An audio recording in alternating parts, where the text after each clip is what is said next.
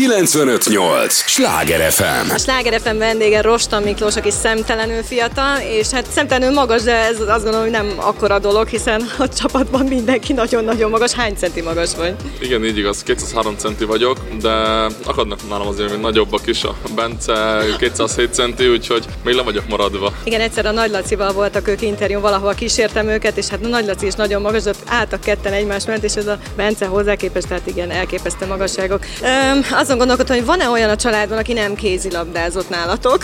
Mm, nagyon utána kell gondolkoznom ennek a dolognak, hiszen ö, édesanyám is középiskola szintig kézilabdázott, édesapám ugye 135-szörös válogatott, nagybátyám. Idősebb Rosta Miklós, igen. Igen, Rosta, Mert is, apukád, igen. Igen, Rosta István keresztapukám is ö, válogatott kézilabdázó volt, ö, testvérem is kézilabdázik, úgyhogy teljesen kézilabdás család vagyunk. Gyakorlatilag egyértelmű volt a te utad, a te pályád? Hát volt választásom a kézilabda és a kézilabda között.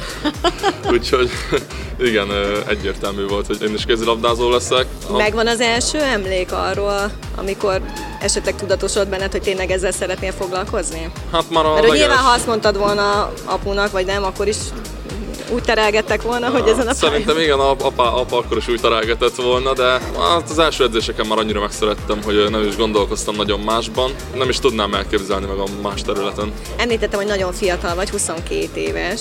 Hogyan nőttél föl, tehát élsportolóként az iskolát mennyire lehetett összeegyeztetni? Nagyon nehezen. Mikor még kisebb voltam, még ovis, meg a általános iskola alsó tagozatos, akkor apával mindig sokat mentem az edzésére, mindig ott voltam, akkor is néha így lógtam a suliból, csak azért, hogy ott lehetőség az edzésén. Hát utána később, amikor még visszakerültünk Győrbe, 14-15 évesen, ott, ott azért még könnyebb volt, de utána, amikor Tatabányára kerültem, ott már, ott már magántanulóként folytattam tanulmányaimat. Furcsa volt az elején, főként úgy, hogy ugye én inkább az a típusú tanuló voltam, aki, hogyha hallotta, akkor utána úgy, úgy megragadt, igen, mm. de úgy, hogy magamtól kellett tanulni, azzal sok gond volt az elején, de utána belerázottam, és szerencsére elég jó eredményeim születtek az iskolában is.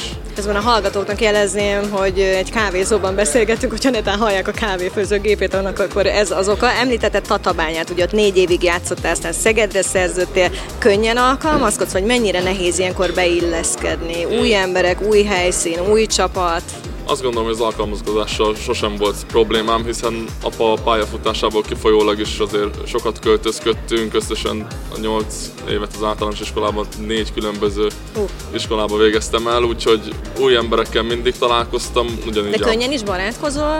Igen, azt gondolom, hogy, hogy, nagyon, hogy nagyon, nagyon könnyen fel tudom menni a ritmust bárkivel, úgyhogy ilyen szempontból tényleg mindig szerencsém volt, és Szegeden is azt gondolom, hogy gyorsan ment a beilleszkedés. És apa tud apa maradni, vagy inkább azért a kézilabdázó jön ki belőle mondjuk egy-egy családi ünnep, nem tudom, hogy hogy történik, vagy hogy zajlik nálatok? Családi ünnepen azért csak a kézilabdáról szoktunk beszélgetni.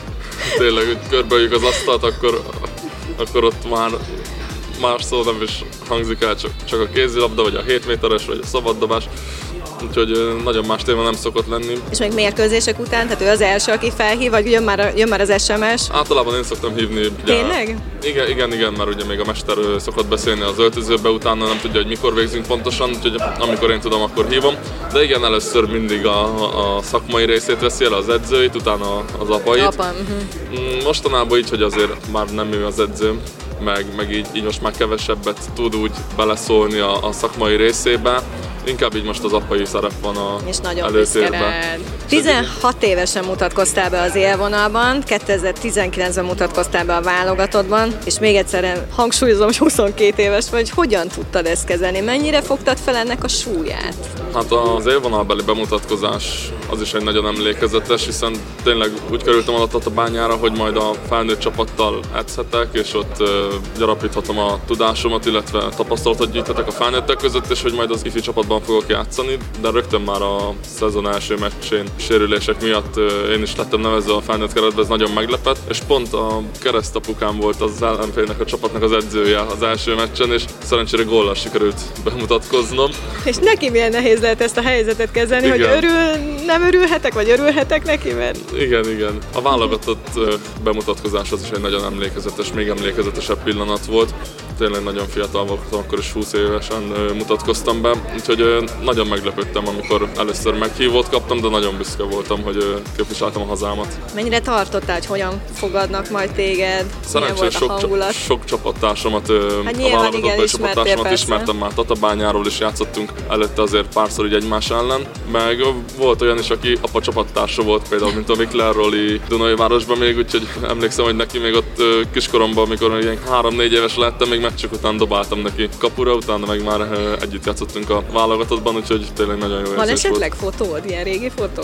Milyen mókás lenne egy egymás mellé tenni, hogy itt vagyok három évesen a Mikler Rolandal, most meg egy csapatban. Ó, sajnos szerintem ilyen nincsen, de Milyen kellett volna. Igen, nagyon jó lett volna. 45-ös a messzámod, és nem véletlenül esett erre a választásod. Apa 45 éves volt, amikor az utolsó szezonját elkezdte Győrben, és ő is a 45-ös messzámot választotta ezért, és úgy gondoltam, hogy ezt a szép hagyományt szeretném folytatni. Picit könnyedebb témákról is beszélgessünk. Milyen zenéket hallgatsz? Legfőképpen a magyar zenéket szeretem a legjobban. Tényleg? Igen, igen, nagyon sokan meglepődnek, mikor ezt mondom. Szeretem például Kollányi Zsültól és Majkától a Valahonnan, az az egyik kedvencem, de ugyanúgy a Halott Pénz, slágereket, Floor Tommy, Diaz Beats, nagyon szeretem őket azért van egy-két ilyen külföldi zene is, amiket szeretek, de inkább ezeket a retrókat, retro stílusú mint például? Hát a 90-es évek, 80-as évek. Hogy próbálom, nem tudom, Ace of Base, vagy... Hát, Dr. Albán. Dr. még.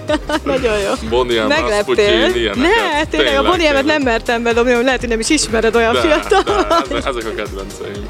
Ez elképesztő. És van rituáléd mondjuk egy-egy mérkőzés előtt, hogy mondjuk milyen zenét hallgatsz be melegítés közben, mi az, ami felpörget, vagy tényleg inkább az, hogy egy picit lenyugtasson? Mm, nagyon ilyen, ilyen rituálé nincsen, hát Roli a DJ-nk Szeged Szegeden, meg itt a válogatottban is, úgyhogy ő szokta rakni mindig a legjobb zenéket. Várj, akkor ezért szeretette a retro zenét. Hát Jaj, bocs Roland, tudod, nagyon когда-то.